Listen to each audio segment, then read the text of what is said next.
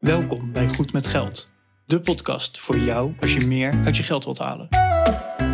Je financiën op orde of eerder kunnen stoppen met werken? Schuif aan, want hier zijn we goed met geld.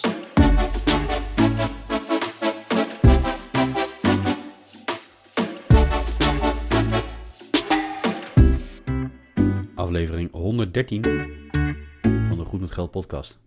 Ik ben Bas En ik ben Arjan. En we gaan het vandaag hebben over nou, niet ons eigen huishoudboekje, maar dat van de staat, van de Nederlandse staat. Want wie betaalt al die economische coronaschade eigenlijk? Ja, want er zijn nogal wat problemen met corona en bedrijven die dicht moeten verplicht eh, om aan de maatregelen te voldoen. Ja, en als je verplicht dicht moet, dan eh, zijn er geen inkomsten. En de staat heeft eh, bij heel veel bedrijven gezegd, nou, op het moment dat je dicht moet, dan, eh, dan zijn wij er met, eh, met noodmaatregelen. Dus, nou, er zijn er genoeg. De Tozo, de Nauw, de Tonk, de. Eh, er zijn er genoeg en ze kosten allemaal geld, kan ik je vertellen. En ja, dus de staatsschuld loopt enorm op. Nou, zijn eigenlijk twee problemen. Hè. Enerzijds zien we dat ondernemers het, eh, het lastig hebben, zeker in sectoren die geraakt worden. Reizen, evenementen, nou, persoonlijke verzorging, hè. denk aan de kappers en beauty salons en zo. Die moesten in de eerste lockdown dicht, die zijn in de tweede lockdown dicht gegaan. Terwijl dit opnemen zijn ze net weer open gegaan. Ja. Maar dat heeft, dat heeft serieus eh, ja, geld gekost voor die ondernemers. Als je je zaak gewoon verplicht moet sluiten, ja, dat, dat is vervelend. Dat, eh, daar moet je aardig op inleggen. En wat de overheid volgens heeft gedaan is gezegd van, nou, dan, dan gaan wij een stukje tegemoetkomen in de, in de kosten die jullie hebben. Dus deels in de loonkosten, deels in andere vaste lasten voor ZZP'ers ingetroffen eh, sectoren. Zoals eh, de evenementenbranche eh, is er ook een tegemoetkoming in de vaste lasten geweest, geloof ik. We hebben aan de ene kant bedrijven dicht gedaan eh, en gezegd van jullie mogen niet je bedrijf uitoefenen. En aan de andere kant zeggen we dan van, ah, oké, maar dan, dan ondersteunen we die bedrijven financieel. Die, die steun is vaak niet genoeg geweest. Veel, veel bedrijven zijn nog niet failliet gegaan. De faillissementsgolf die, die ik had verwacht, die, die is er nog niet. Die zal misschien wat later komen. Ik, ik verwacht dit jaar wel meer faillissementen dan vorig jaar. Maar ja, dat zijn dus ondernemers die, die dan die steunmaatregelen krijgen, waar dat niet genoeg is, uit eigen zak bijleggen.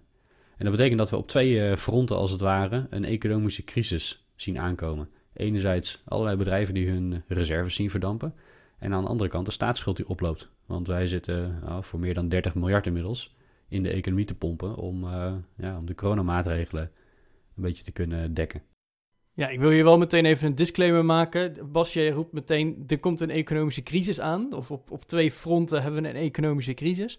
Eh, wij hebben hier niet voor gestudeerd. Wij zien dit als een, probleem.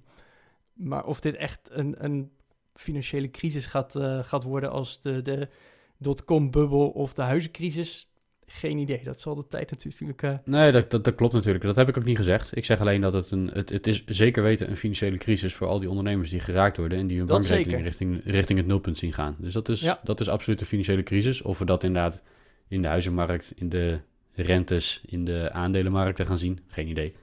Dat, eh, dat moet nog blijken. Nee. Nee, en eh, de, de overheid die zegt van, nou oké, we- beste ondernemer, wij willen jou ondersteunen. We gaan zeker niet alles vergoeden, want ik geloof dat eh, bijna geen enkele regeling 100% van de kosten dekt. Nee, dat meen ik ook niet. Maar goed, ze, ze ondersteunen wel. Ze staan garant voor een aantal dingen. Hè? Bijvoorbeeld eh, bij festivals.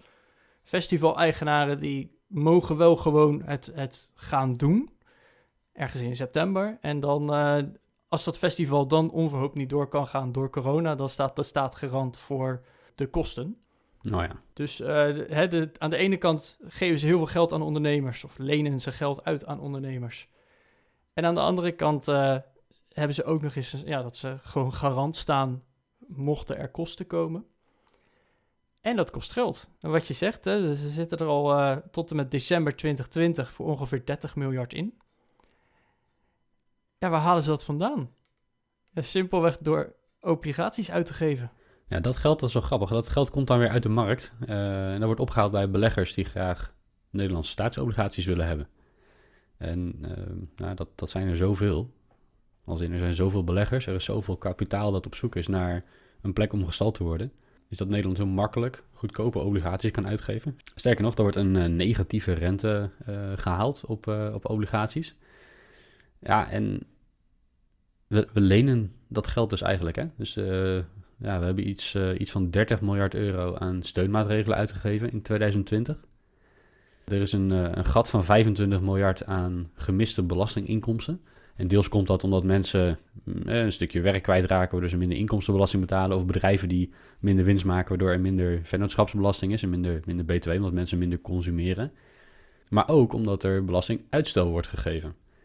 Ja, in principe kregen, uh, in de eerste, zeker in de eerste lockdown, kregen alle ondernemers de kans om een uitstel van belasting aan te vragen. dat ging heel ver. Dat ging van de, van de BTW-aangifte tot de inkomstenbelasting, tot de vennootschapsbelasting. Ja, en, bedrijven die gebruik maken van die, uitstel, uh, van die uitstelregeling, ja, die, die hebben nu geen belasting betaald. Die rekening die komt ooit nog. Um, maar dat is wel geld dat, dat niet de Nederlandse staatskas in is gevloeid in elk geval. Nee, op dit moment niet inderdaad. Dus dat zorgt eigenlijk voor nog een keer zo'n bedrag aan, uh, aan gemiste inkomsten als wat we hebben uitgegeven aan steunmaatregelen. En, en er wordt geschat dat er ongeveer voor 60 miljard euro een, een gat is ontstaan. Dus 30 miljard aan steunmaatregelen, en uh, eh, 25 tot 30 miljard aan, aan gemiste belastinginkomsten. En, eh, dan denk je misschien wel van, ja, maar de belasting die hoef je nu even niet te betalen. Betaal over een jaar maar. Of ik, ik weet niet eens hoe lang de uitstel is. Misschien wel drie jaar in, in sommige gevallen. Maar wat, wat helpt een bedrijf dat dan? Want je moet dicht. Ja, en dan, dan heb je al geen inkomsten.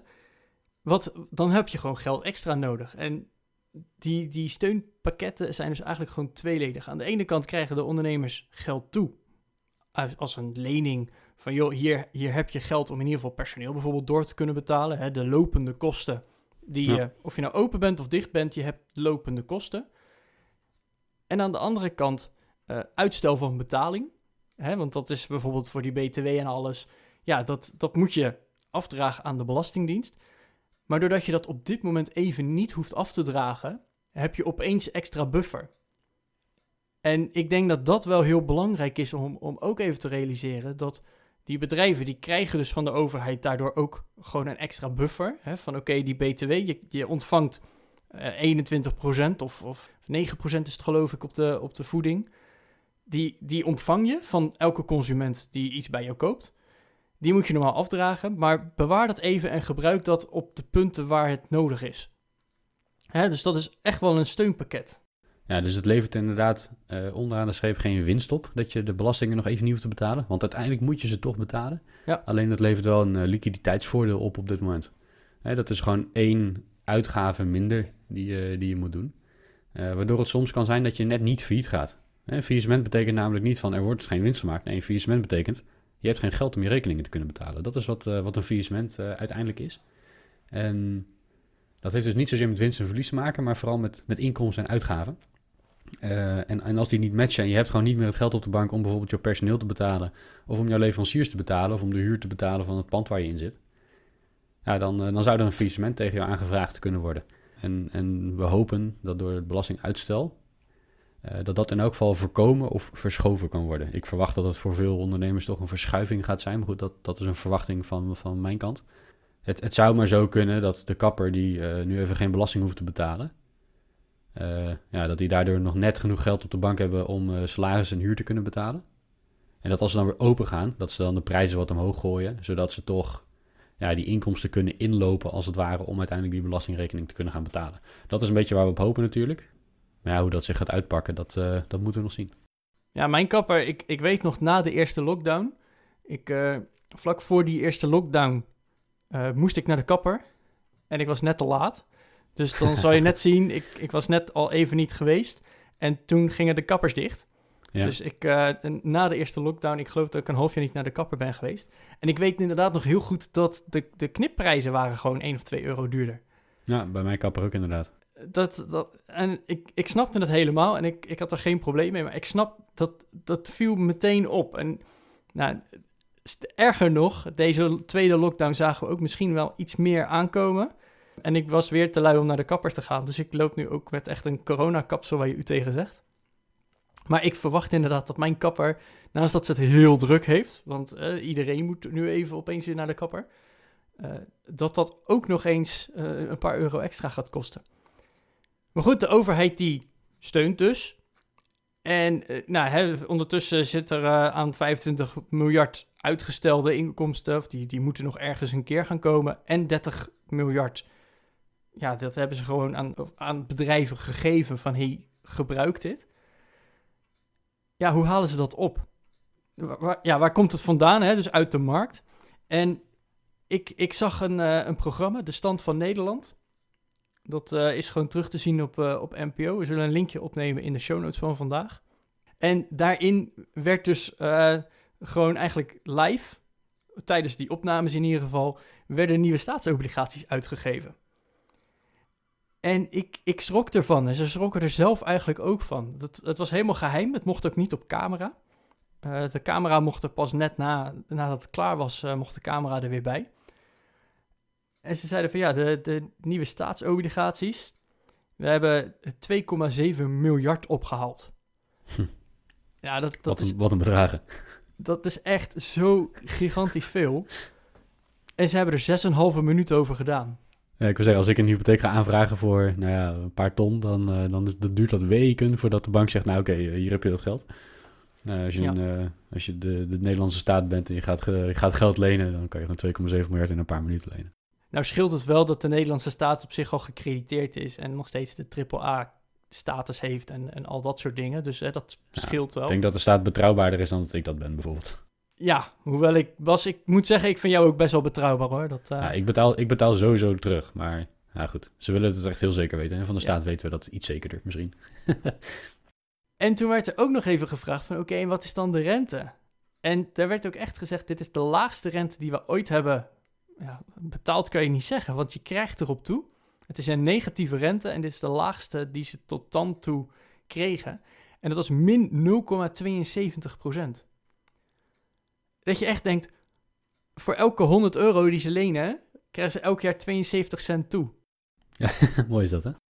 Dat is echt, nou en dan, oké, okay, 2,7 miljard, dat is een gigantisch bedrag. Maar ja, dan krijg je dus wel uh, 27 miljoen bijna, of wat is het? 20 miljoen per jaar op toe. Ontzettende bedragen in elk geval. Het, het is gigantisch. Dus dan is de vraag, hè, van um, wie gaat die coronacrisis betalen? En het lijkt erop dat dat uh, de beleggers zijn die geld uitlenen aan de staat en daarvoor willen betalen. Dus, dat is natuurlijk niet helemaal waar. Maar... Ja, ik hoop het wel. Dat, dat zou het mooiste zijn, maar ik denk niet dat het zo werkt, was. Nee, kijk, uiteindelijk, hè, dat, dat geld moet ergens vandaan komen. En um, er moet wel bijgezegd worden dat um, ja, de overheidsfinanciën werken iets anders dan jouw persoonlijke financiën. Als jij zelf consequent meer geld uitgeeft dan er binnenkomt, dan uh, ja, dat, dat houdt een keer op. Je houdt dat niet, uh, niet oneindig vol. Uh, wat betekent dat je, dat je moet zorgen dat je nou, in, op zijn minst in elk je inkomsten en uitgaven gelijk moet hebben aan elkaar. En dat je, dat je een buffer aanhoudt, hè, dat je geld op de bank hebt, zodat je ja, als er een keer een periode is van grotere uitgaven, dat je dat kan overbruggen. En voor de overheid werkt dat eigenlijk niet zo. De overheid kan in principe oneindig geld bijlenen. Er zijn er wel afspraken gemaakt in Nederland en in Europa over hoeveel je dan mag lenen. Mogen de staatsschuld niet zomaar oneindig laten oplopen. Maar, maar landen kunnen gewoon consequent meer uitgeven dan er binnenkomt aan, aan belastingen. En, uh, en het verschil lenen. En als de economie maar blijft groeien, dan, dan zit daar in principe geen, uh, ja, geen bovengrens aan hoeveel leningen wij mogen hebben. Dus de vraag is, moet die economische schade, de, de coronaschade, moet die ooit terugbetaald worden? Of zeggen we van nou, die hogere staatsschuld, dat is wel best. Dat zou natuurlijk ook nog kunnen. We zien dat in, uh, in Groot-Brittannië worden de, ja, zijn, zijn er al wat belastingen, of tenminste, niet er zijn wat belastingen, maar de winstbelasting in uh, Groot-Brittannië wordt volgens de Britse regering vanaf 2023 verhoogd. Om, uh, om, om de coronarekening te kunnen betalen. Dus zij zeggen gewoon bedrijven die winst maken, die gaan eraan bijdragen. En dat gaat pas vanaf 2023 in. Dus we hebben nog een paar jaar om, uh, ja, om het economisch herstel te realiseren. Maar daarna gaan we de belastingen omhoog gooien, want dan, dan moet die rekening betaald worden.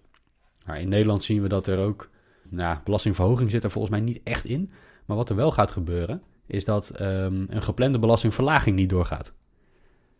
De, de, de, Nederlandse winstbelasting voor bedrijven, die, die bestaat uit twee schalen. Net zoals de inkomstenbelasting uit meerdere schijven bestaat, geldt het ook voor de, voor de winstbelasting. Het lage tarief, dat wordt uh, nog wel verlaagd. Die gaat naar 15%. Maar het hogere tarief, dat zou, dat zou ook verlaagd gaan worden. Maar dat gaan we niet doen. Die blijft op 25% staan. En dat is natuurlijk een van de manieren hoe de overheid gaat proberen om wat financiële ruimte te creëren. Ja, om, de, om de economie te kunnen stimuleren. Ja, en waar we natuurlijk dan het nog niet echt over hebben gehad. Hè, want we hebben dan de lastenverzwaring in dit geval. Uh, maar de overheid kan ook nog gaan bezuinigen.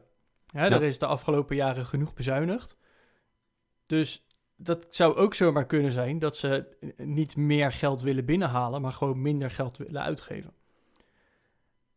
Is, is natuurlijk ook nog een optie. En op die manier betalen we het eigenlijk ook met z'n allen. Omdat de voorzieningen, ja, op dat, daarop gekort gaat worden. Ja, en, en ik, ja, ik, ik hoop dat we heel voorzichtig gaan zijn met die bezuinigingen, want dat is vaak niet zo goed voor de economie. Dus ja, ik ben helemaal voor een overheid die een beetje goed op zijn geld let, absoluut. Uh, ik wil liever niet dat mijn belastinggeld verkwist wordt.